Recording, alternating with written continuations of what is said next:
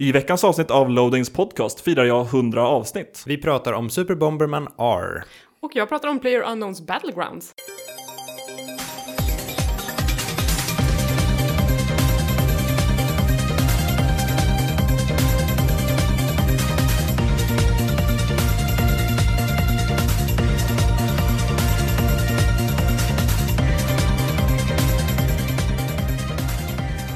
Välkomna till avsnitt nummer 169 av Loadings podcast. Jag heter Viktor Sjöström och jag har med mig två andra människor i detta rum. Hej! Hej! Hallå! Det är mig, David Grundström och Elisabeth Bergqvist. Ja, hej. Hej och välkommen. Det var jättelänge sedan du var här. Nästan lite mer ett år. Ja, vi, vi, vi snackar ju ofta i podden om ah, Elisabeth måste vi ta hit igen, både utanför och i sändning. Mhm. Ja. Men du, när du sa det här, så här, du har inte varit på Stockholms spelmuseum och spelat in, utan det var Nej. ju när vi var i, i grottan. Ja, när det fortfarande var IGN Sveriges podcast. Ja, precis. Det, hann- det hann ju vara här ett tag också. Ja, Nästan ett halvår tror jag. Mm. Li- lite, lite behind the scenes på den här podcasten. När Per Landin hoppade av för, ja, vad var det? Ett år sedan? Eller något sånt. Så funderade vi lite på så här, vi bo- ska man byta ut honom mot någon annan? Ska man ha en tredje person här? Ja. Och så snackade vi väldigt mycket så här, Elisabeth, hon är bra. Vi borde, vi borde ta in henne som den tredje personen. Varpå du startar en egen podcast. ja Och så förlåt. bara föll allt det här. Det är också nästan exakt ett år sedan. Ja, Ja, ja det måste eh, ha varit där i samband. Ja, jag startade Späckat. Eh, det var två Exakt. stycken killar som heter Niklas och Tommy. De hade en filmpodcast innan som hette Den perfekta filmen. Eh, och de ville starta en spelpodcast och då hörde de av sig till mig och bara hej, nu gör vi det här. Och jag bara shit, okej. Så det blev en väldigt så här, snabb affär, men nu har vi hållit på i ett år sedan dess. Ja. Hade vi varit lite snabbare så hade det varit vi som hade varit späckat Ja. just Attans. nu. Vad eh, smickrade jag, jag kände mig populär Ja, och häftig. det, det får man göra. Det var också roligt för att förra gången jag var med så minns jag att jag sa att, att, eh, att ropa på mig, det är som att ropa på Beetlejuice. Så om man säger mitt namn tre gånger högt, då kommer jag.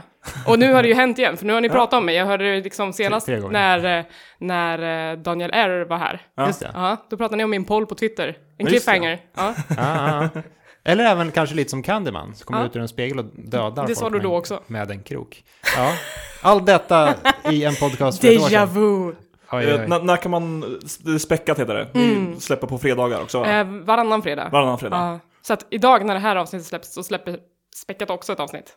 Då kan man ju köra dem rygg mot rygg. Ja, Precis, med andra när du har lyssnat klart på det här avsnittet så eh, har du ytterligare en timme av Elisabeth att lyssna på. Ja, perfekt. Om du vill. Eh, och det har, det, det har väl hänt andra saker under det här året eh, med dig? Du- Ja, förra gången jag var här så var jag ju representant för Stockholm e-sport, föreningen som ordnar så här barkvällar i Stockholm där vi kollar på olika e-sporter.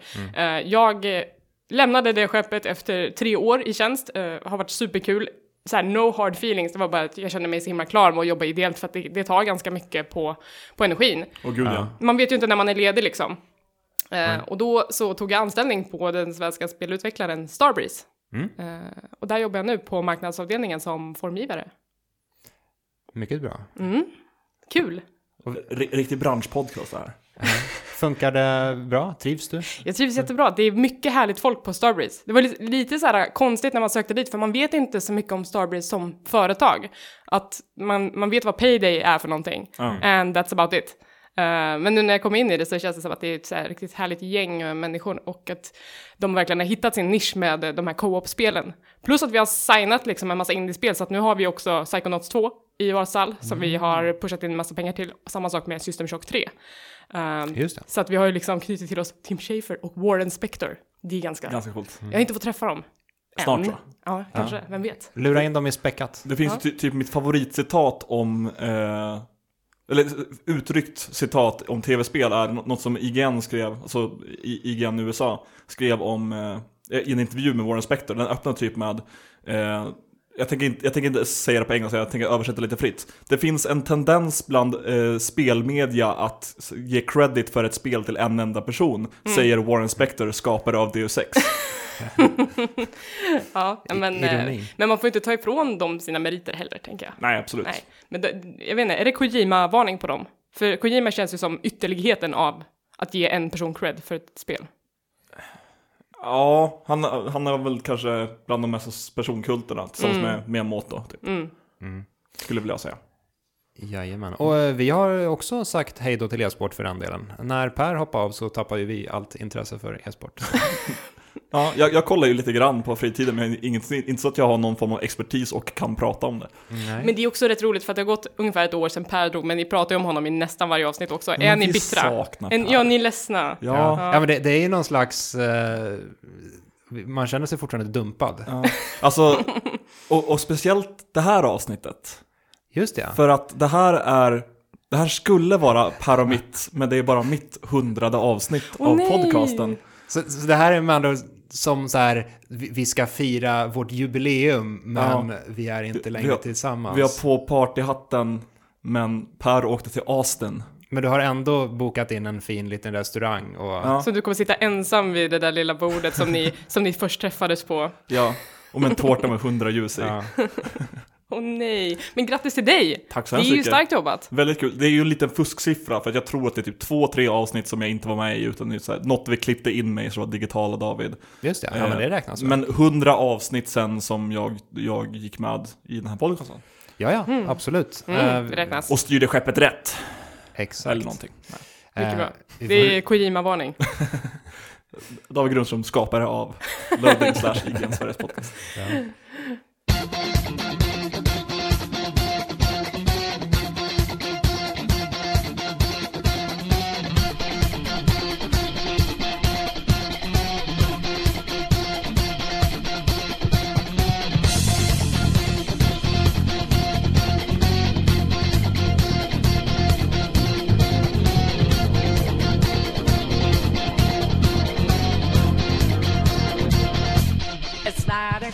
Vi har en eh, stor trailer, eh, nej inte trailer, men kommentar. Var fick jag trailer ifrån? Kommentarsbonanza här. Ja. Eh, I och med att vi körde eh, två avsnitt, ja det var två avsnitt sedan vi läste upp kommentarer överhuvudtaget. Precis, förra av, avsnittet var ju en specialare med, om japanska rollspel tillsammans med Tobias Bjarnaby. Och då snackade vi om japanska rollspel och inte kommentarer från förra veckan. Ja, Helt enkelt. Så de här kommentarerna kommer från när, när Aron var här. Precis. Eh, precis, både från när Aron här- var här och när Tobias var här. Ja. Om vi börjar i avsnitt 167, det vill säga Arons ehm, Project eh, Scorpio-avsnitt då, så skriver Jonathan Johansson att Arons insats som kommentarsuppläsare eh, tog mig verkligen på sängen. Vilken inlevelse, 10 av 10. Tack för ett bra avsnitt, jag gillade verkligen statistikdelen och radioteatern. Ja, Tack! tack Och Jonte. eh, ja, Fint beröm. Mm. credden går vi till, till eh, Aron. Tack Aron, om du är där ute någonstans I eten. Ja, i cyberrymden. Eh, jag, vill, vi- jag vill inte fortsätta läsa själv här. Nej, Ta en eh, kommentar jag kan ta Chips kommentar här. Mm. Som måste erkänna någonting. Jag måste bekänna en grej. Jag somnade under podcastavsnitt, herregud. Vilket podcast Så här gör man inte. Ja, det här var ju då Okej, 167. 167, okej. Precis. Eh, det var en lång, tidig bussresa till Västerås. Trodde jag skulle orka, men, helt, men så helt plötsligt vaknade jag upp och Scorpio-snacket håller på att avrundas. Jag minns början, men kommentarerna och den allmänna frågarundan. Nej, jag minns början med kommentarerna och den allmänna frågarundan. Men allt efter det är borta i en dröm. Förlåt för mina synder. Eh, du är förlåten, Chips. Ja, jag är bara glad att den här podcasten går hela vägen till Västerås. Eller ja, nästan i alla fall då. Eller ja, den det är går typ till en Västerås, timme. men inte däremellan. Ja, det beror väl Chip på vart ifrån Chips åker. Det är helt sant. Vart, vart, vart, Haparanda. vart- Ja. Ja, Haparanda till Västerås, en timme. Fyller så resesträckan loopar han podcastavsnittet så det har loopat perfekt så att han kommer, hinner på början, somna, lyssna om avsnittet några gånger och sen komma till. Just det, nicka Men, till. men Chips är inte ensam om att ha somnat under en podcast. Nej, Eh, jag har ju ingen skam i att liksom, oj, jag missade allting, spola tillbaka och liksom lyssnar typ om det. Mm. Jag, jag tycker att det är ganska behagligt att sova till podcasts när man är ute och just reser. När man så här, sitter på flyget till exempel, Mm. så bara, har man en podcast och så nickar man till. Och, och så känns det ändå som att man har lite sällskap som Ja. Sitter Det och- finns ju också podcast utformade just för att somna, eller sova. Jaså, Ja. vad är det för någon? Jag har absolut inte något exempel i huvudet. Eh, våra lyssnare kan hjälpa till. Jag, jag lägger det ansvaret på dem. Jag, jag har en, en kollega som lyssnar på någon sån där eh, när hon ska sova. Ja. Ska jag ta en till eller vill eh, Elisabeth ta en? Jag eller? kan ta en. Ja. Och det här är då från förra avsnittet. Ja, det har inte jag hört. Eh, så att, eh, förlåt för mina synder. ja. Men Du du somnade inte i alla fall? Nej, det gjorde jag inte. Inte Ehm, än. Eh, A Man A Man skriver, kände inte till den intressanta historien om hur Dragon Quest kom in. Lite roligt att Bjarnebys och Sjöströms röster är lika varandra till förvillning, så ibland hade jag svårt att lista ut vem som sa vad. Jag har aldrig någonsin tänkt på det här. Är det så? Jag tänkte på det när jag läste kommentaren, gick in och lyssnade. Är, är det så? Alltså, jag, Men ty- jag ty- ty- förstår tycker det. du det nu? Nej, Jag tycker inte, alltså jag, jag kan förstå hur man tycker det, men det är ungefär som att jag kan förstå varför vissa tycker att min pappa är lite lik kungen, men jag tycker inte att min pappa är lik kungen. Okej. Men det här betyder ju att ni kan börja fabricera kommentarer i varandras namn. Ja, Det här innebär även att eh, Tobias Bjarneby kommer börja gästa den här podcasten väldigt mycket oftare.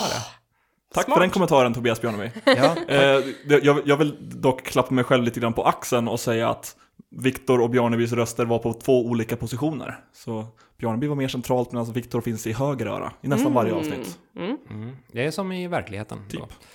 Sergeant Pepper, bara lyssnat på er sen ni flyttade till loading, men måste säga att avsnitten blir snäppet vassare och intressantare att lyssna på när ni är tre, vilket vi är i det här podcastavsnittet. Mm. Tack så Mycket mycket för bra. det. Och något som jag och Viktor båda håller med om. Ja, Vi tar ju gärna in gäster. Det har varit en lång rad gäster nu.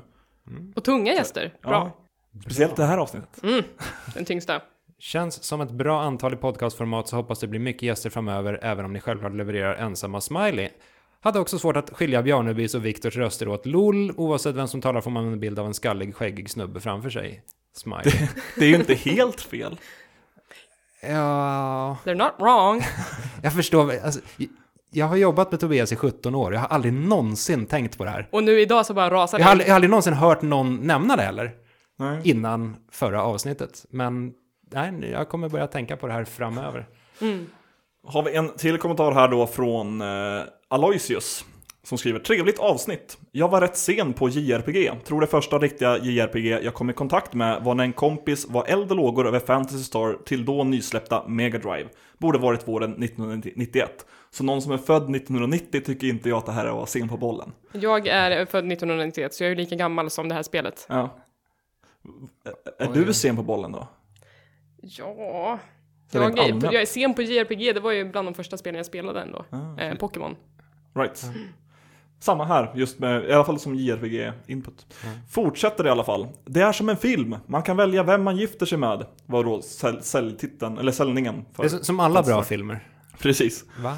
Eh, men det är ju inte sant att det inte importerades spel på NES-tiden. Jag hade flera kompisar som spelade japanska Super Mario Bros 3 långt innan det släpptes i Sverige. Och själv hade jag i alla fall ett par stycken importspel. Ja, jag vet inte, jag importerade aldrig NES-spel. Däremot så hade jag kompisar som hade såna här pir- piratkopierade 100 i en kassetter när man fick eh, Super Mario Bros 1, 2, 3, 4, 5, 6, 7 upp till 10. Till typ. 100. Ja. Nej men det, det var en hel del ful-versioner och sen var det ändå lite bra spel. Och så var de ja, billiga kassetter där.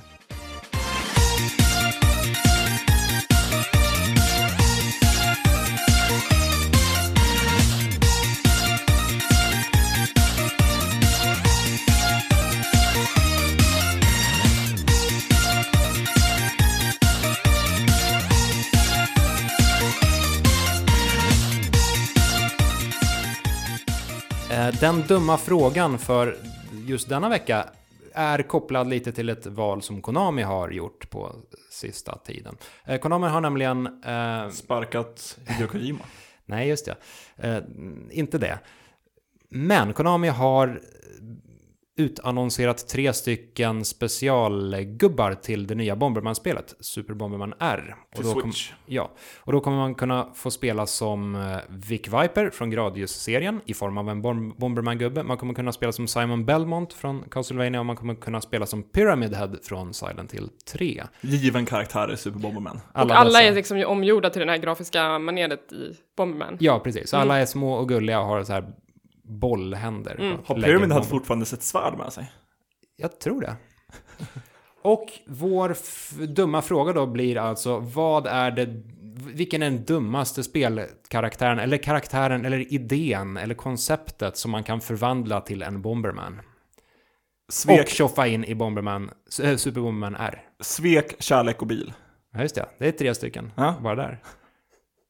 Elisabeth, du hade en, en relation till Bomberman. Jag har en eh, relation till Super Bomberman är på Switch. Eh, och det, Specifikt. Ja, specifikt det spelet. Och det är att jag hatar det spelet nu. Och det är bara för att vi var granne med dem på PAX East när jag var där med Starbreeze och visade upp spel. Eh, Ja. Och de hade så här live-turneringar i det spelet precis bredvid oss och de blastade ut sina högtalare precis mot oss. Eh, Så att det var det enda vi hörde liksom hela dagarna. Och det där jävla irriterande låten, eh, det blir påfrestande liksom tre dagar i stöten. Hade de även eh, kommentatorer som Ja, det hade de. De skrek. Nu, det är nu är jag lite, lite eh, suktad att klippa in den här jävla irriterande låten i någon, någon mellan jingelgrej här. Ja, det går bra. Det kommer bli av. Den, Ja. den jävla låten.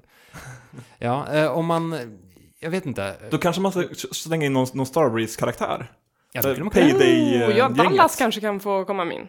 Han har ju den mest ikoniska masken, han har ju liksom den amerikanska flaggan, så honom känner man ju igen. All right. Mm. Ja, Han kan ju gärna få komma dit och liksom bara skjuta ihjäl alla. ja. Han fuskar med pistoler. Ja, Jag, absolut. ja, jag tänker om man ändå ska ta... Om man ska... Jag, jag väljer att hålla mig till Konami här. Och Konami är ju ett, eh, något av ett ökänt företag för tillfället, eller i alla fall på senare år för att de gör konstiga saker. Och man skulle kunna ta Konamis ledningsgrupp kanske, i Suits som kommer in. Som en karaktär. Ja, Massa spring- små gubbar som Precis, de runt. springer runt i klunga och lägger bomber och gör konstiga val. Släpper pachinko Nej, de, de lägger ut pachinko-maskiner. Pachinko-bollar skjuter. Ja, Ja, det är någonting. ja. ja. Skulle kanske kunna... Men har de den självdistansen att de kan göra en sån grej? Jag skulle säga spontant nej, Nej. men jag, jag är öppen för att bli överraskad här. Det är ju lite som att man kommer att kunna slåss mot Square Enix eh, vdn i Nier Automata. Ja, just det. Nytt Det, DLC. det är helt fantastiskt. Ja, det, jag gillar det. Det Ja. är så sjukt meta. David, har du sett den uh, trailern? Nej.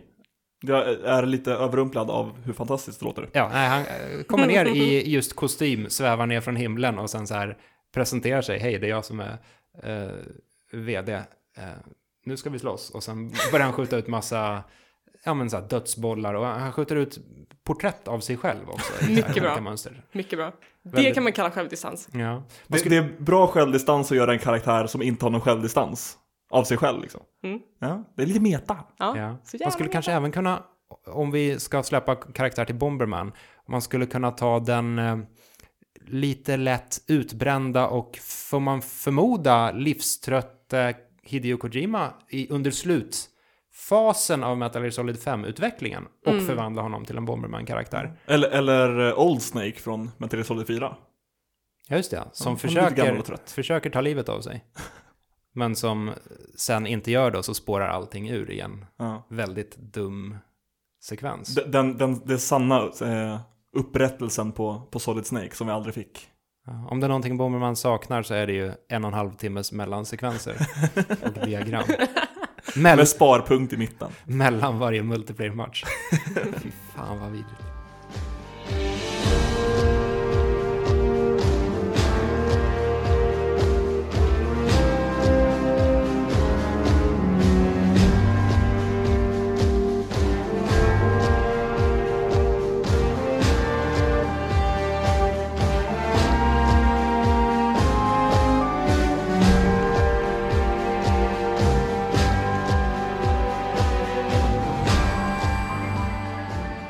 Vi har kommit till veckans nyheter och eh, du har med dig en nyhet. hit. Men jag tänker att i, i Per Landins frånvaro så måste vi prata om, om Heroes of the Storm 2.0. Ja. Ja. Sku- skulle, skulle man kunna försöka imitera Per?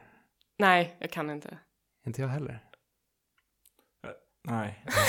jag, kan- jag kan inte imitera Per. Jag kan inte imitera Jimmy Åkesson, men det är nog inte så populärt.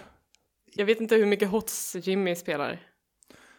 Den främsta fördelen med Heroes of the Storm framför Dota, det är att du samarbetar som ett lag. Som vi i Sverige måste göra för att eh, över... Jag vet inte ens vad jag håller på med.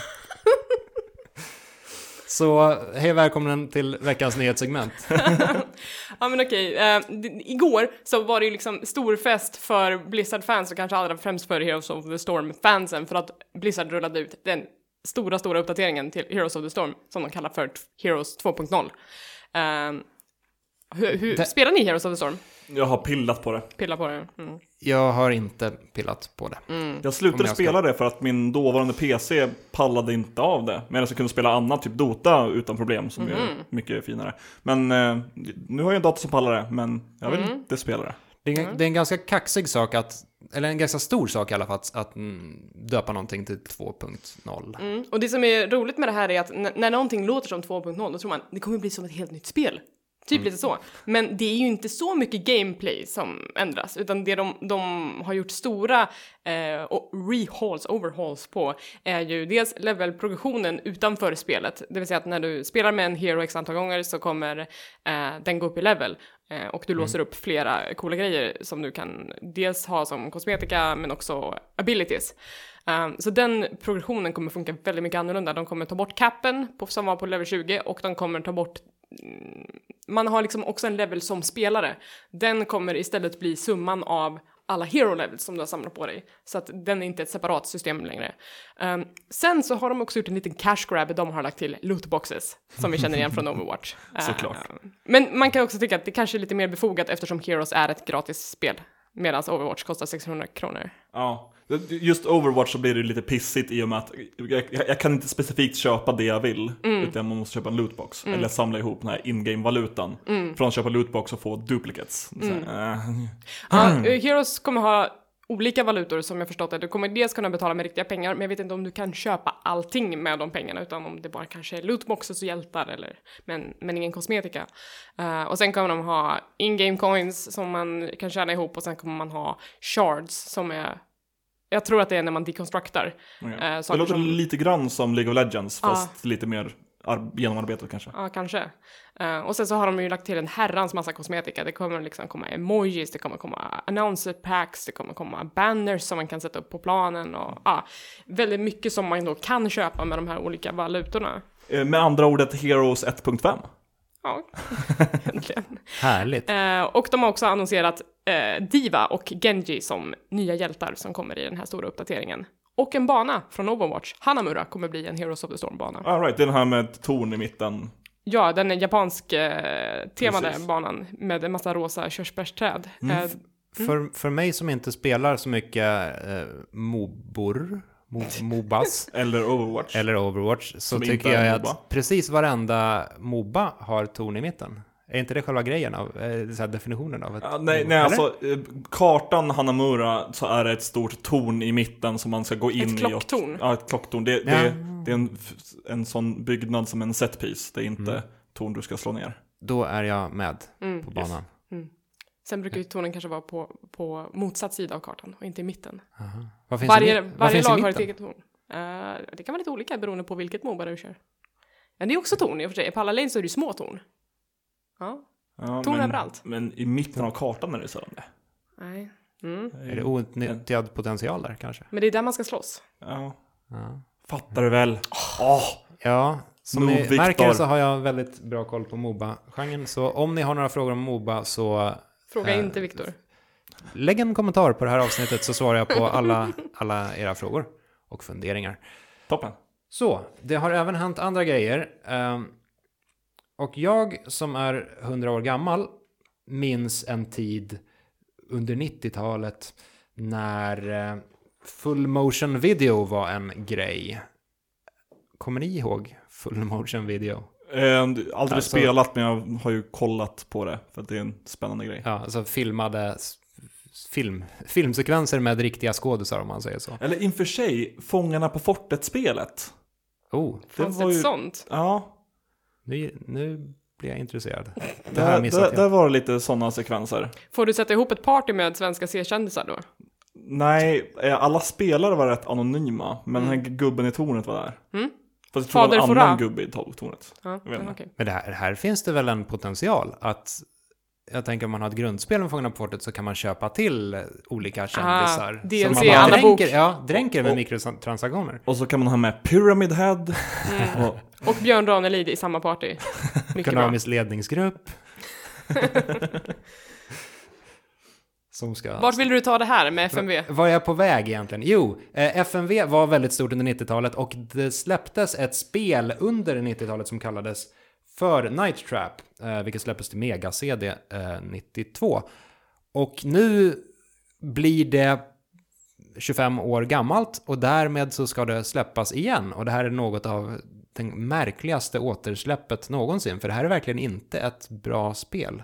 Och det är alltså det är ju... Men man blir ju lite taggad. Ja, det, det, det består ju alltså av ja, typ 90 minuter filmade jätte, jättedåliga skådisar som försöker förmedla någon slags skräckkänsla, men det blir bara ploj. Och det här kommer komma till, till PS4 nu. Oj. Äntligen. Det här är känns ju något som man, det kommer bara tilltala nostalgikerna. Ja, och även de som spelade Night Trap när det begav sig tyckte jag att det var jättedåligt redan då. För det har aldrig någonsin varit ett bra spel. Vi har fler remakes än vad vi behöver nu. Ja, verkligen. Så... Är det här tecknet på att det har gått för långt? Eller är det bara en så här hipstergrej? Att kolla vad dumt det är nu i HD. Ironiskt ska man spela det här spelet alltså. Ironiska hipsterspel. De släpper spelet ironiskt till och med. Ah, shit, det borde man göra. Vi borde... Marknadsför ironiskt. Ja, ja. Om man har de pengarna då tycker jag att man ska göra det, helt klart. Har man pengar så ska man släppa spel. Ironiskt. Jajamän. Uh, och slutligen så... Eller vill David ta en nyhet? Nej, Nej, verkligen jag vill inte det. Du vill inte. Under GDC i alla fall då så visade Nintendo upp eh, en prototyp av som de hade använt för att arbeta med Breath of the Wild, det senaste Zelda-spelet. Och den här prototypen såg ut som ett NES-spel, fast lite mer avancerat och med scrollande skärmar och så vidare.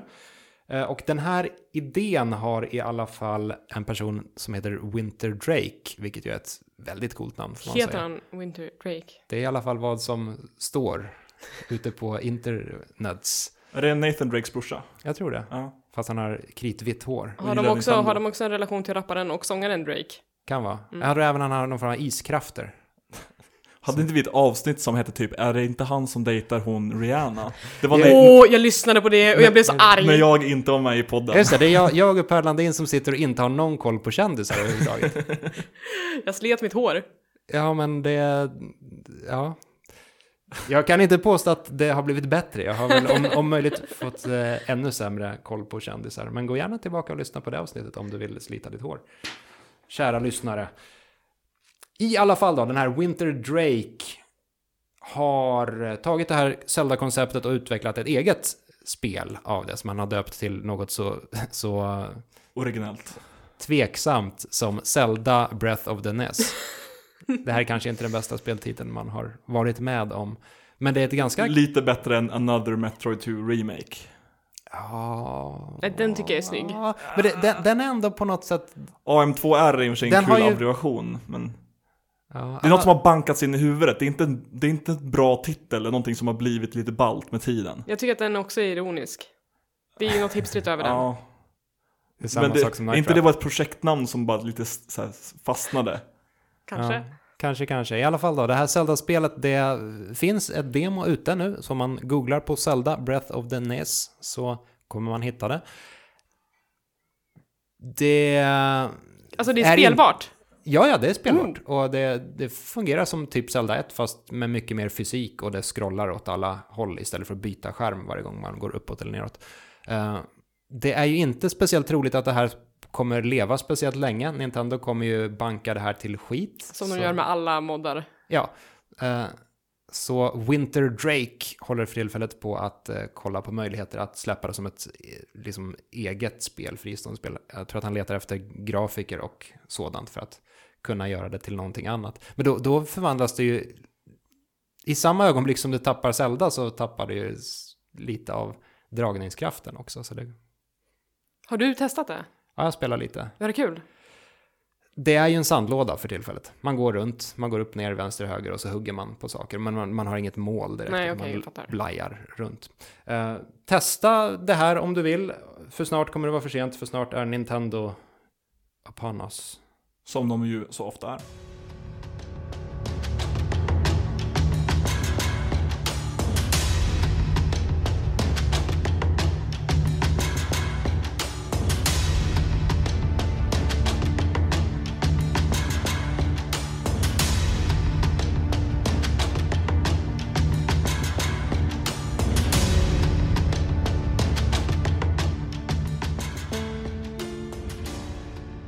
Vi har spelat spel även den här eh, veckan och i och med att vi har en gäst så kanske du vill börja.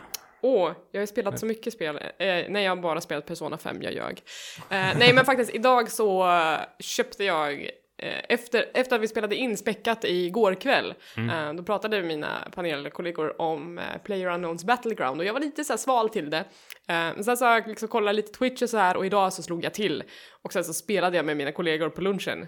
Eh, hysteriskt roligt. Och detta är alltså ett fristående spel och har ingenting med Persona 5 att göra. Nej, det har ingenting med Arma eller H1Z1 att göra heller för den delen. Jo, det har det. Eh, Player Unknown, som då är skaparen av det här spelet, han är ju liksom gammal moddare till både Arma och H1Z1.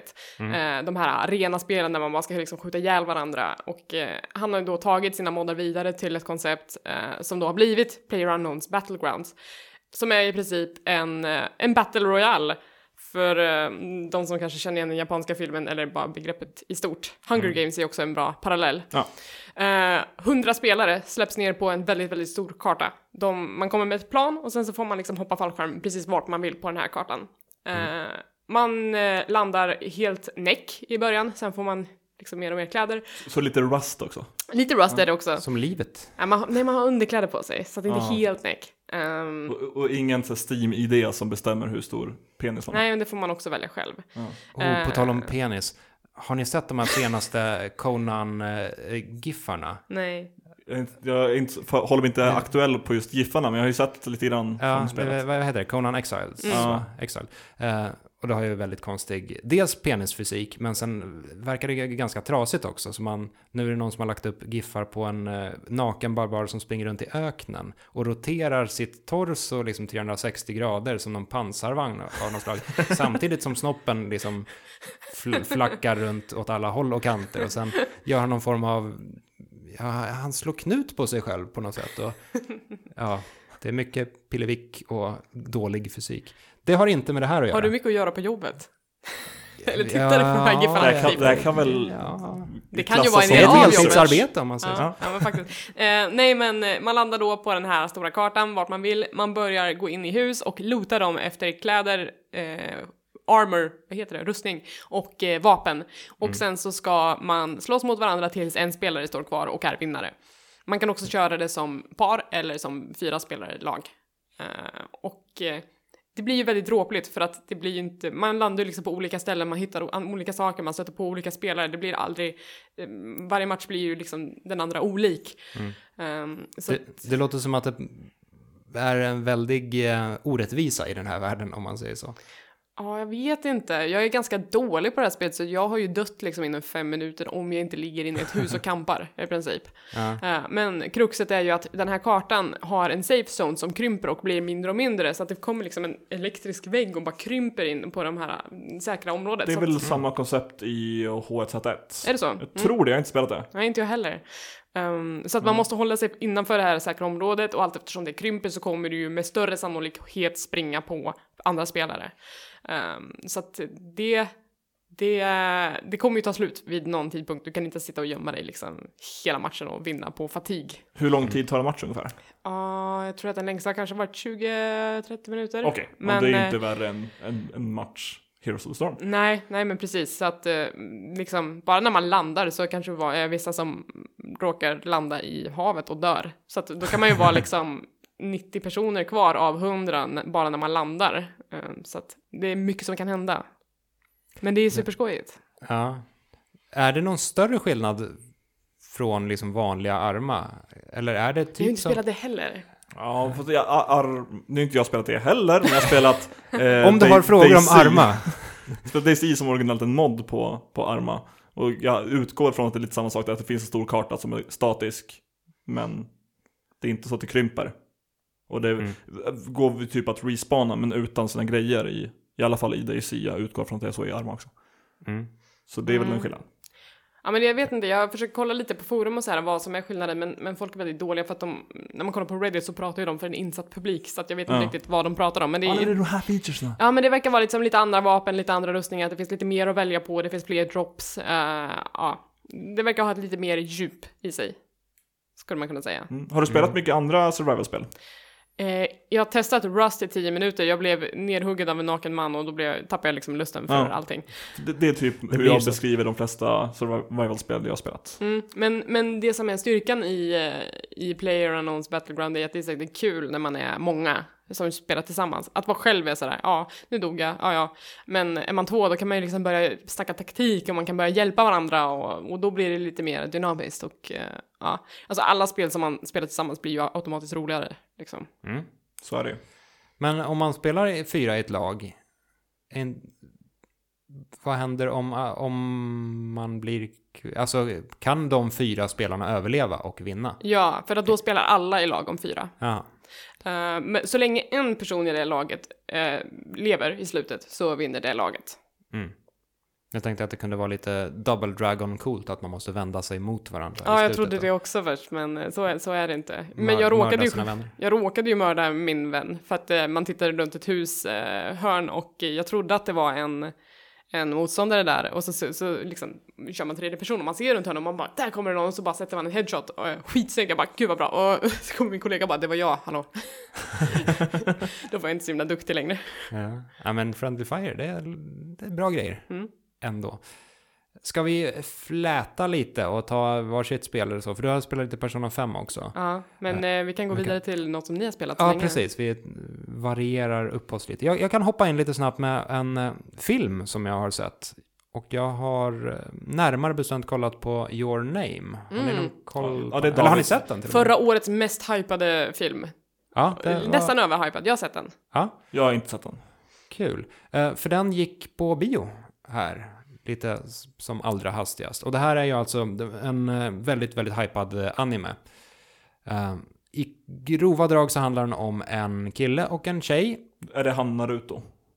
Det är eh, han Naruto och sen är det Sailor Moon faktiskt. Okej, ja men då är jag på bollen. Eh, som bor, eh, killen bor i Tokyo, tjejen bor i... Eh, ja, det- landet. Ja, ute på landet. Eh, och en morgon så upptäcker de att, äh, de känner inte varandra för övrigt. De lever helt separata liv. Men en morgon så upptäcker de att de har hamnat i varandras kroppar. Eh, och så blir det lite dråpligt och lite konstigt. Och det, man ska inte, man kanske inte ska avslöja allt för mycket om hur det här artar sig. Nej, för det här är ju liksom inte någon slags eh, slapstick gender swap eh, standardkomedi, utan det händer ju väldigt mycket saker i den här filmen Mm. där saker sätts på spel. Mm, mm. Och den, det har varit mycket hype runt den här filmen och den är väldigt genomarbetad. Den är väldigt snyggt tecknad och ja, men det är ett kul koncept. Den känns ganska genomtänkt. Samtidigt så märker man ändå att det inte är typ Ghibli som har gjort den. För Ghibli-filmerna är ofta helt fria från så här all form av, vad ska man säga, vanlig anime Tropes? Ja, ja, inte riktigt. Men det finns en hel del, alltså det är lite så här konstiga bröstskämt i, Mm. i Your Name och det, lite, lite trosa här och var. Och det här brukar vara helt bortskalat från Ghibli-filmer och det finns ändå med i Your Name. Det, Den är det hade jag kanske inte riktigt riktad, räknat med. riktad till en lite äldre målgrupp, för det var, alltså det var många Mm. som hypade den här filmen som att det är det bästa sen Spirited Away. Och då Mm. kanske man förväntar sig Spirited Away för att man liksom har en bild av vad japanska tecknade långfilmer ska vara för någonting. Mm. Eh, och den, den är ju inte riktigt så, alltså jag läser ju, läste mycket av Haruki Murakami, eh, den japanska författaren, som ofta väver in lite övernaturliga grejer i sina böcker, men inte så att det blir så här störigt, eller det blir liksom inte sci-fi, utan det är bara så här lite märkligt. Eh, och jag tycker att den här filmen är lite som en visuell version av en Murakami-bok. Den har Mm. liksom lite samma, att den är lite vuxnare, den har lite de här eh, sexualiserade, eller de sexuella anspelningarna. Mm. Eh, som ofta förekommer i de böckerna. Det kanske var lite därför jag slutade läsa dem, för att de är lite gubbiga. Ja. Mm. Och den, nu är den, den här filmen är inte så här jättegubbig, men den, ja, det, gubbigare än, äh, än Ghibli i Ja. alla fall, om man Mm. säger så. Men den, den jag, jag gillade den här ändå, för den, den har en väldigt fin så här, japansk atmosfär hela tiden. Det, de har fått med många, många detaljer som dryckesautomater och så här, ja men myllerkänslan i Tokyo. Det, nej, det, det är en fin stämning i hela filmen. Och det är väldigt kul att det kommer anime på bio här. Ja, Nu att den har blivit liksom så omtalad att SF och Bio Rio har satt upp den för att det fanns en sån efterfrågan. Eh, och jag har mycket kompisar som har gått och sett den liksom flera gånger. De får inte nog Mm. av den här filmen. Jag har sett den en och en halv gång och jag kände att nu är jag färdig med den. En och en halv. Ja, På bio? Nej, inte på bio, utan först såg jag den på ett flygplan och sen så var jag hemma hos mina föräldrar och de tittade på den och då hoppade jag in lite halvt och bara, den här har jag sett och sen så gick jag. Men på tal om eh, just fin japansk atmosfär, Elisabeth. Åh. Vårat favoritspel nästan. Persona 5. Vi hade ju en lunchdate för, förra veckan. Ja, Förra veckan, för att Ja. snacka Persona 5 ja. lite grann. Ja. Så här spontan lunchdate. Men ni har ju pratat om Persona ganska mycket i Ja. den här podden så jag vet Men inte jag vill ju ha andras åsikter. hur, hur mycket är för mycket. Ehm, Det är upp till lyssnarna. avsnitt. Eh, jag, eh, Persona 5 handlar mycket om att så här, maxa sin tid eh, och Mm. prioritera saker. Så att jag brukar bli väckt runt 5-6 på morgonen av min katt och jag bara, nu hinner jag spela Persona 5 innan jag går till jobbet. Så att det är liksom all min lediga tid så spelar jag Persona 5. Eh, Det är också dels för att jag vet att det är så här, det är 100 timmar ungefär som man ska beta av. Ja. Det tog mig 77 timmar och 13 minuter tror jag. Ja, men du kör inte New Game Plus. Nej, men jag tror inte det skulle ta, 100, Nej, skulle då, ta då får man 30 ju- timmar extra då bara. Men om, man- om man bara Nej. trycker Nej. förbi all dialog. Man, man kan ju skippa alla cutscenes Ja, och dialoger så här, fast forwarda igenom dem. jag spelar jag bara inte. för spelmekaniken. Det är ganska kul spelmekanik, men det är fortfarande ett japanskt rollspel så ja. Ja, men, jag, men det är därför jag liksom hetspelar det lite grann, för att jag vet att det är så mycket att spela och jag skulle vilja gå vidare sen till andra spel. Jag har inte kört klart ner Automata än. Eh, jag har spelat typ tre timmar på det och jag bara, mm, måste spela resten för att jag har hört att det är så bra och jag vet att jag kommer gilla det. Eh, Se till att spela vidare efter sluttexterna. Ja, I know. Alltså, men jag har hört att man måste spela det minst tre gånger. Eh, jag skulle säga att man ska spela det ganska exakt tre gånger. Okej, bra. Eller man kan spela fler om man vill, men Om man tycker att det är så bra. ja. Mm. Spela det tre gånger, sen, Sen är jag klar. Sen kan, kan du börja spela det din andra gång. sen kan du gå tillbaka till Persona. New Game Plus. Ja, men typ. Eh, nej men jag, är, jag har inte spelat eh, Persona eller Shin Megami Tensei innan, så jag är helt ny till serien. Eh, jag har också blivit lite anti-JRPG på senare år för att jag, jag ogillar turn-based combat. Jag tycker att det är omodernt och jag tycker att det är långsamt och jag tycker att random encounters är tråkigt och jag tycker att grinda är tråkigt. Eh, det finns ju några spel som jag tycker har gjort det här bra på senare år från Japan, som till exempel Xenoblade Chronicles X. Det tyckte jag jättemycket om. Eh, jag tyckte om The World Ends With You som kom för ännu längre sedan. Det var också realtidsstrider Väldigt fin, eh, fin musik. i, Eh, The World Ends With You. ja. Den, Inte i Xenoblade. Chronicles 6. har vi pratat om det här en gång förut? Ja. Eller, eller har jag bara lyssnat på när ni har pratat om det? Det- Viktor har pratat om det mycket, vi har klippt in en låt typ två gånger tror Jag jag. får aldrig nog av... Yeah, ah, ja, precis. Den är New fin. Los Angeles Night. Eh, nej men och nu kommer ju Persona 5 och jag bara ah, turn-based combat, jag vet inte alltså. Men det, det är ju sjukt kul. Det är ju verkligen kul och jag känner att det finns en progression och en rytm i det här spelet som gör att jag inte behöver grinda så mycket som jag annars behöver i JPG. Jag liksom kastade ju Bravely Default eh, åt sidan och bara fuck this game. Jag tyckte, jag tyckte det var rätt tacksamt att grinda det. Är det så? Man kunde, man kunde spendera, alltså bara man inte var för låg level kunde man spendera fyra turns varje Mm. gång man startade så man kunde få ihjäl alla direkt. Och det är lite så Persona är också, fast här är det ju mer att strategin ger dig mer, fler och fler turns. Så fort du hittar en svaghet på en Ja. fiende så är Pumpa det klar. den. Ja. Vad är det bästa med Persona då? Om du ska välja ut en enda sak som är eh, din favoritgrej med spelet. Eh, Jag tycker att det absolut att det är fighting-systemet. Eh, Jag tycker Det är att det är, det är superroligt och jag är inte en sån som spelar spel för fightingen. Nej. Jag spelar ju för storyn men här tycker jag att det är kul liksom. Men det är också någonting skönt i att så här, planera sin dag, planera sin vecka, försöka maxa allting. Är man en Inte få lämna in sin hy- inhyrda film för att en katt säger nej, du ska gå och lägga dig. den där katten. Eh, nej men eh, kanske om man gillar att göra listor och skriva kalendrar och ja, vara lite organiserad i sitt liv, då tycker man att det här är kul. Mm. Jag vill så gärna spela det här, men jag... Det, det, Du har inte det gjort har det en, än? Nej, eller jag har börjat, jag har spelat kanske en timme eller så, men Mm. det, det har en sån startsträcka som jag... Tio timmar av tråk är det ju. Är det tio timmar till och Ja, med? nästan. Det är, eller, det är nästan lika seg start som Så i Mass Effect tråkigt är det Andromeda. Ja, men Alltså- det, är segt. Ja. Tio timmar, då hinner jag se ett gäng riktigt bra filmer, eller så hinner jag spela igenom ett... eh, åtminstone bra ett, ett, ja, två, tre bra spel om det är... Om det, om det är spelen som jag eh, alldeles strax ska snacka om till exempel. Mm. Eh, så nej, tio timmar låter lite Nej men det är, det, är så, väl. det är ett ganska spretigt spel, det är så mycket man kan göra, så mycket man ska lära sig och då måste de introducera alla de här sakerna men de gör det i en väldigt maklig takt så att du Mm. ska få kläm på en grej innan de introducerar nästa grej och då har du liksom tio timmar av nu kommer en ny grej, nu kommer en ny grej, nu kommer en ny grej som du måste lära dig. Hur, hur mycket kan man hoppa över då? För många av open world-spelen idag har ju en story eh, och sen en massa sidouppdrag som egentligen inte är annat, inte till för något annat än att spä ut Mm. spelet. Alltså det finns ju lite sidogrejer man kan hoppa över. Men vissa sidogrejer borde man inte hoppa över för att de kan komma tillbaka och bita en i arslet. Eh, för att vara lagom kryptisk. Ja, jag skulle hålla med om det och dels så tror jag att det är bra att göra alla de grejerna för att då kommer du inte behöva grinda så mycket framöver när det Ja. blir svårt. Och i stort sett all, alla sidouppdrag man kan göra, det är ju för att bygga ett förtroende eller en vänskap med ens confidence som det heter. Och ökar man en nivå i sånt så kan ju det ge en bonusar. Så som att, jag kommer inte ihåg vem det är man ska bygga upp det med, men eh, en karaktär, när du blir tillräckligt bra, bra kamratlig, så får du möjligheten att byta ut dina partykaraktärer i strid. Så att om du har någon med jättelåg SP, alltså det mana, magi, så kan du byta ut den mot någon som är på retainer, så kommer in med full hälsa och bara mår skitbra. Mm. Och då kan du power through vissa grottor mycket mer effektivt. Precis. Jag ser dock på grinding lite som att ju längre jag håller ut utan att grinda, desto mer kommer jag få ut av grindingen när jag väl måste grinda. För att då, alltså... Förstår, vad- förstår Öppnar du menar? din burk Pringles och dödar samma fiender i tre timmar. Nej, men då, då är fienderna som jag grindar i högre level än de eh, som jag hade grindat om jag hade grindat i början av spelet. Right. Jag, jag får ut me- mest exp för eh, tiden jag lägger ner på det.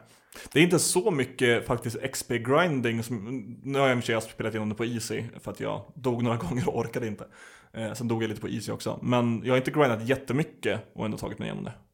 Ja, och det man vill ha egentligen är väl att man vill ha så starka personas som möjligt. För att du kan Ja. inte harva på en och samma person och säga det här är min bästa persona, utan du måste Byta offra ut. den för att, för att göra en bättre persona, för att annars kommer den halka efter så in i helvete. Och då måste du gå in och liksom samla fler.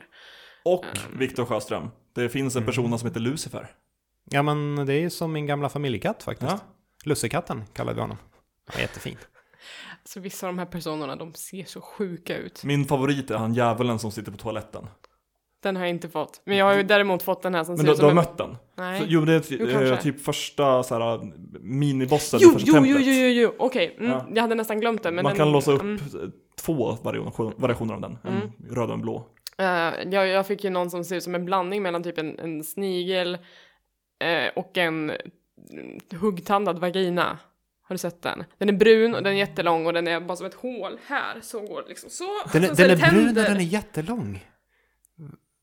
Och, vad, vad är det Och sen så har en- den liksom två antenner. Den är så jävla sjuk. Ja, jo, men jättestora med, med stor mun med tänder. Ja, precis. Ja, Ja, ja, ja, jo, ja. den hade jag ett tag, använde mycket. Ja, Vä- ja. Väldigt bra persona, känner mycket väl.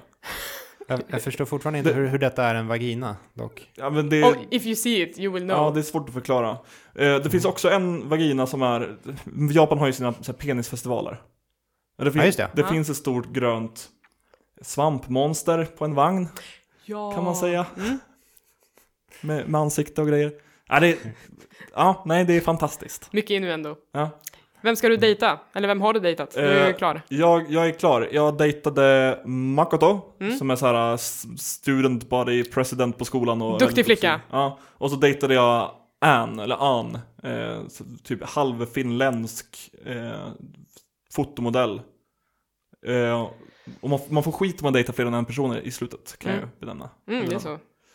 Det var inte po- populärt. Jag har inte börjat dejta någon än, men jag har mina sikten på doktorn.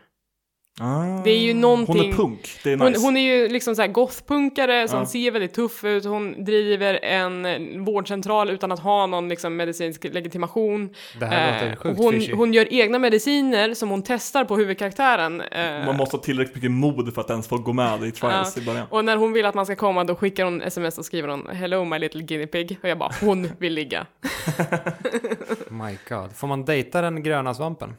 Nej, det får vagnen, man inte. Ty- Tyvärr inte. Man får inte dejta några killar heller. Nej, Tråkigt. Det, det är ju lite eh, enkelspåret tyvärr. Mm. Ska vi gå vidare kanske till eh, några mindre titlar? Ja, Ja. jag har några mindre titlar här. Jag har spelat Blaster Master Zero, vilket är en eh, remake av spelet Blaster Master som släpptes till NES år 1988. Spelade ni Blaster Master? Nej. Pillat på en emulator typ. Ja, det är typ eh, en Metroid wannabe typ. Fast man eh, har en pansarvagn som kan hoppa och sen kan man hoppa ur pansarvagnen och då är man en liten gubbe som kan gå in i dungeons och så ser man allting ovanifrån istället. Eh, spelet var ganska kul men det var skitsvårt på sin tid. Blaster Master Zero, det är ganska mycket samma sak. Det är uppritat med NES-grafik, eller i alla fall nästan NES-grafik, pixlig grafik. Eh, och så är det lätt för, istället för svårt. Och det är väl egentligen det man kan säga om det. Är det spelet. Switch den här Ja, precis. remaken har kommit till? Switch, Switch-spel. Och det är utvecklat av Inti Creates också. Inti Creates är... Jag fascineras lite av det här spelföretaget. För det, det är de som gjorde typ Mega Man Zero, eh, Mega Man 9, eh, eh, Gunvolt. Eh, ja, nu senast gjorde de tyvärr eh, Mighty Number 9, vilket var lite av ett snes, Mm. snedsteg. Men de, de gör mycket tvådimensionella gamla så här, plattformsspel. Och de gör det ganska bra. Och Blaster Master Zero är ett sådant spel. Alltså det är ett, ett ganska bra actionspel. Retro-actionspel. Sen har jag även spelat eh, mer än vad jag vill eh, erkänna Puyo Puyo Tetris. Eh, och det här är ju skitkul ändå. Ja, jag sprang in på dig och din fästmö igår, eh, Ja. tisdags. Ja, hon är ju helt besatt av det. Ja, vi snackade på tåget och då snackade hon om, om Puyo Puyo Tetris. Och jag känner inte till Puyo Puyo sedan tidigare. Nej. Inte jag heller. Vad är det? Eh, Puyo Puyo är ett pusselspel från 91 när man istället för att para ihop former som man gör med Tetris så parar man ihop färger. Mm. Det påminner lite grann om typ Bejeweled. Jag Fast fattar. istället för att skärmen alltid är täckt med block eller ja, slemgubbar som man har nu så faller de ner från ovan. Det kan, som kanske lite som eh, Do- eh, Dr. Mario. Ja, eh, Jag har, jag har spelat så här andra varianter på det här spelet, så det låter bekant. Ja, så det, det faller ner två färger åt gången från ovan. Eh, om hela skärmen blir täckt så blir det game over och så ska man para ihop fyra färger och då försvinner de färgerna. Eh, och nu har de gjort en crossover mellan Puyo Puyo och Tetris. Och det är, alltså dels är båda spelen fantastiska från början. Det är liksom enkla pusselspel som är kul. Eh, men sen kan man även mixa och matcha dem lite hur som helst. Man kan köra fyra spelare och så får varje spelare välja om man ska spela Tetris eller Puyo Puyo. Eller så kan man köra swap mode när skärmen switchar då och då. Så man börjar spela Puyo Puyo och sen bara plötsligt vänster så får man en ny spelplan och ska spela lite Tetris och så vänster tillbaka. Och så Mm. byts det runt. sådär. Och så finns det någon form av crossover när man spelar båda samtidigt. Ja, precis. Den är helt vansinnig fusion-variant när det faller både slem och Tetris-klossar från ovan. Och det, det är väl ärligt talat lite väl rörigt. Mm. Men eh, många av de här andra spellägena är, är riktigt kul. Är det här också så Switch? Det är också Switch, men det finns även på PS4. Bra, då har jag lite spel som jag kan testa på min Switch. Jag har ju tre spel nu tror jag. Vil- vilka? Zelda, Snipperclips och eh, Voice. Vad tycker du om Snipperclips? Jag har inte Ehm, testat den, men jag är väldigt sugen Jag på tycker det. att det är ett trevligt spel att eh, speciellt ha för att visa för folk hur en Switch kan fungera. Mm. Eh, så att jag, eh, om jag har en Switch med mig och folk är såhär bara ah, hur funkar det, får jag prova lite? Då kan man dra fram snipperclips för det är en väldigt bra illustration av hur man kan dela upp de här joyconsen i två. Mm. Kul pusselspel men såhär, det är inte roligt i längden utan man kan köra några banor och så är det kul. Mm. Och grejen är att man är två stycken små gubbar som kan klippa ut, Former Det- ur varandra. ja, och så är det 2D och så ska man lösa pussel genom Ja. Typ spetsa Väl- ballonger eller Ja. forma rätt form. Du och en, och en vän ska klippa varandra. Mm. Mm. Det låter väldigt destruktivt, men Ja. är väldigt kul. Men jag, jag och min sambo körde det på ett flygplan. Det är så bra underhållning om man vill fördriva tiden. Mm.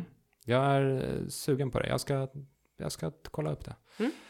Eh, Så, David, hade du kört något också? Ja, det, det är ingenting nytt och speciellt eh, utöver ett spel som jag inte får prata om ännu. Eh, det är embargo. Får du prata om det nästa vecka, jag tror? Nej, näst, nästa. Oj, oj. Det är inte jättenytt eller stort spännande. Det är bra dock. Eh, Men, inte men du kanske kan sälja in det här spelet du ska prata om som ett nytt och spännande spel? Vi kan väl eh, för enkelhetens skull... Ja, vi, kan, ja vi, vi låtsas att det är ett nytt och Ja, spännande spel. tänk, tänk dig att det är tio år sedan. Mm. Och sen att det är snygg grafik för två år sedan.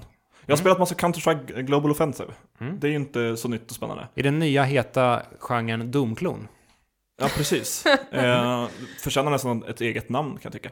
Nej men jag, eh, jag hade lite slut på grejer att spela som var aktuella, personen var klar och jag har ju faktiskt inte klarat av Mass Effect ännu. Men jag ville ha någonting snabbt och jag ville langa HS som jag kallar det. Sk- skjuta i huvudet. Så jag började spela lite Counter-Strike Go. Jag har spelat eh, det här till och från och mycket med kompisar. Men då är det alltid kompisar som spelar det typ på heltid. Och det är som alltid när man spelar kompetitiva spel med folk som är bra på det så suger du och har det inte särskilt roligt. Mm. Men nu när jag har jag spelat själv och jag, jag har ärligt talat väldigt roligt för det är verkligen jag som är så bäst varje match. Ja, för du rankas ju med folk som är ungefär lika bra som du. Ja, precis. Jag kör, kör ju eh, competitive, alltså rankat. Men jag fick precis min rank nu som är silver 1. Jag tror det är sämsta. Jag är jätteglad över det. Finns Borde det inte finnas en det brons, också? Eller? Ja, precis. Kanske. I don't know. Annars är det en missad eh, opportunity här. Ja, kanske. Lägg in brons i Counter-Strike. N- nu. Så att Viktor får spela. Patcha in bronsligan. Precis. Eh, Counter-Strike lider ju lite grann av, eller lider väldigt mycket av, eh, eh, vad ska man kalla det? Skrikiga, otacksamma människor. Från Eh, Tyskland. Ja, och Sverige för den delen. Många arga svenskar man har spelat med. Eh, och Ryssland och hel, hela Europa, de som man brukar bli matchade med. Men när man spelar på sån här låg nivå och när jag blir bäst i matchen eh, så får folk en konstig respekt för en. Så om man säger håll käften eller här, dude, whatever. Är du en person som säger håll käften? Om, om folk, ja dude shut up säger jag ju om, om folk är så här lite kaxiga eller börjar Ja. skrika Oh my god, fucking noob. Så bara, lugna kroppen. Ja. Kan vi inte bara, Mm. det här är ett, ett spel. Nu, nu tar vi det lite chill. Och folk liksom reagerar på det där. Det är lite skönt när folk lyssnar på vett, om jag får säga så höga ord om mig själv. Mhm. Eh, så ja. Och det, det är kul att inte vara sämst. Ja, ja men verkligen. Jag eh, hade ett CSGO-läger för något år sedan när vi skulle vara med i spelskapet och spela trekamp mot Malmö e-sport. Ja. Eh, då var jag tvungen att så här, lära mig CSGO på väldigt kort tid. Ehm, då spelade jag med en kompis som hade mycket högre rank än jag och vi hamnade liksom ett gäng ryssar i samma lag och de ville Ja. ju vote-kicka mig omedelbart. det var kul. Herregud. Ja. Ja, det är också det är ganska talande för hur, hur CSGO kan vara att spela. Mm. Om vi nu ska bygga en liten CSGO-skola här och lära alla lyssnare allt om CSGO, vad är, vad- är det bästa knepet Man- för att man köp- vinna i CSGO? Man köper en AK47 eller en M141, en Colt. Och så, så istället för att skjuta på huvudet så börjar du skjuta på huvudet, sen drar du ner siktet och sen lite åt vänster och sen lite åt höger. Mm. Det ser ut som en sjua, en upp och nervänd sjua. Precis. Eller upp och ner med en T om man sprayar länge nog. Ja, för, För- du måste för- kompensera för rekylen. Jag tror det var, för då åkallar man Satan. Det också. ja. Ja. Mm. Och Du har att- haft kul. Ja, Men det jag. mitt bästa CSGO-tips är prata med ditt lag eh, så att ni är samspelta och vill samma sak. Precis. Det är viktigt. Jag går och gömmer mig, ni får gå fram och skjuta. Ja, det är Det ju är också en så jag taktik. spelar CSGO.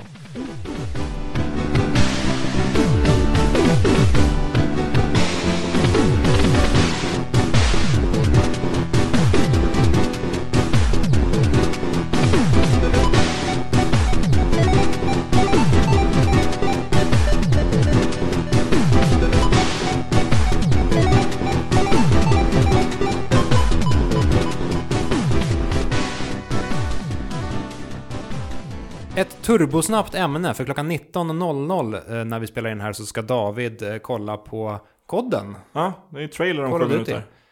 Så kan det vara ibland. World Eh, War 2. Yes. Ja, Av Sledgehammer Games. vilket vi alltså i talande stund inte ännu har sett. Men det kommer vi ha sett när det här avsnittet ligger ute. Ämnet i alla fall då är vilket spel har den bästa vårkänslan? 1, 2, 3, kör! Pokémon. Pokémon. Jag sitter, eh, jag är tio år gammal, jag sitter på taket till terrassen i mina föräldrars hus och eh, känner vårsolen eh, för första gången och jag spelar Pokémon. Mm.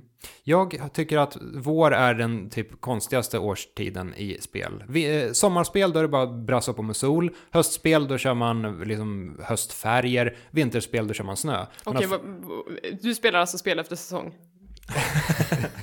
Ja men typ. Eh, nej men vår, det är så svårdefinierat här. Eh, och det, det blir lite svårt. Ja, vi kanske närmar, närmar oss den här frågan ur olika eh, vinklar här. Ja. Upptäcker jag. Jag tänker mer eh, vår i Vår spel. i spelet, okej. Då blir det svårt. Ja, exakt. Då blir det svårt, för våren är en jävel till Ja, nej men då att- tänker jag på Pokémon X och Y, för det fanns ju vissa säsonger där och man kunde fånga specifika. Starterområdet i Horizon Zero Dawn. Fast det är inte det höstigt. Är Det är, inte, det är ju så mycket gula färger och Men röda det- färger. Det är väl mycket snö? Det är liksom snö som smälter, eh, Ja. har jag fått uppfattningen av. Det är lite känslan jag hade också. Ja, nu kommer jag kanske inte ens ihåg vilket som är startområdet här. Jag tycker bara att hela spelet är ganska höstigt. Eh, Det är där du började spelet. Ja, just The det. Embrace. Och sen var det Mother's robotar Embrace. där också. Ja, eh, jag skulle säga ändå att Breath of the Wild har lite vårkänsla ibland. För det är lite så här bleka, alltså det är inte, de brassar inte på med solen hela Det tiden. är såhär utan det- blekgröna i träd och... Ga- ganska vårig musik också. Ja, Ja. lite så här, lite det, pianoplinken det och någonting vaknar, vaknar, vaknar upp lite Ja. grann och sådär. Mm. Eh, och sen har vi ju liksom klassiker som Secret of Mana som har årstiderna, alla årstider i en liten, eh, ja, man springer emellan dem. Och jag uppskattar verkligen Persona 5, för det börjar ju i april. Ja. Eh, och eh, det är mycket som påverkas av väderleken i det här spelet och i, i april-maj där någon gång då startar eh, pollensäsongen. Mm. Och det är ju någonting som jag identifierar mig med som pollenallergiker. Eh, och att det är liksom, idag är det pollenvarning så nu kommer det liksom, folk var ganska trötta och mår ganska dåligt och man bara, mm, känner mig inkluderad i, den här, i det här spelet. Ja. Eh, fin detalj. En, en grej som slår mig nu är att om vi tänker på våren vi har här i Stockholm, Mm. så, så ett spel som ger mig vårkänslor är Heavy Rain. Just det. Speciellt efter idag. Ja, snöblandat regn. Finns det något spel som inte så heter det? Ja, snowblended rain. Sl- slask. The, the, the slask from the sky. ett annat spel som är fullt av vår är ju Gears of War. oh Jesus Christ. Det, Eller det kommande Shadow of War. Just ja. Det har med andra ord blivit dags att avrunda den här podcasten och stänga av. Det börjar bli det va? Vill du lämna en kommentar på det här avsnittet kan du göra det på tråden som finns på loading.se. Du kan även skriva till oss på Twitter, privat då kanske. Jag heter at aidsbrain. Privat. Ja, eller alltså inte till loadings Twitter tänker jag. För det är ingen av oss som din kollar på det. egen Twitter. Jag tänkte, jag Din personliga tolka- Ja, jag tolkade det som att du skulle skriva väldigt privata skick, saker. skicka DM. Jag saker. heter att Viktor med C underscore Sjöström. Jag heter at hangry Eli, inte hungry utan hangry Det- med ett A. Det är när man är arg och Man är så hungrig så att man blir arg. ja, Hungry Eli som Mm. Elisabeth. Mm. Det tycker jag alla ska gå in och följa. Och som sagt, det finns ytterligare en podcast med dig att lyssna på. Den heter Späckat. Var hittade, hittade man den Eh, där, där poddar finns, eller på späckatpodd.tumblr.com. Ja, gå in och lyssna på den efter det här, vet jag. Ja, gör det. Så kommer du ha en eh, toppen stund. Ja, tack för att jag fick komma, Tack för att du ville komma. Kom Ja. tillbaka eh, nästa gång. Ja, gärna. Och nästa gång. Och nästa gång. Okej. nästa gång.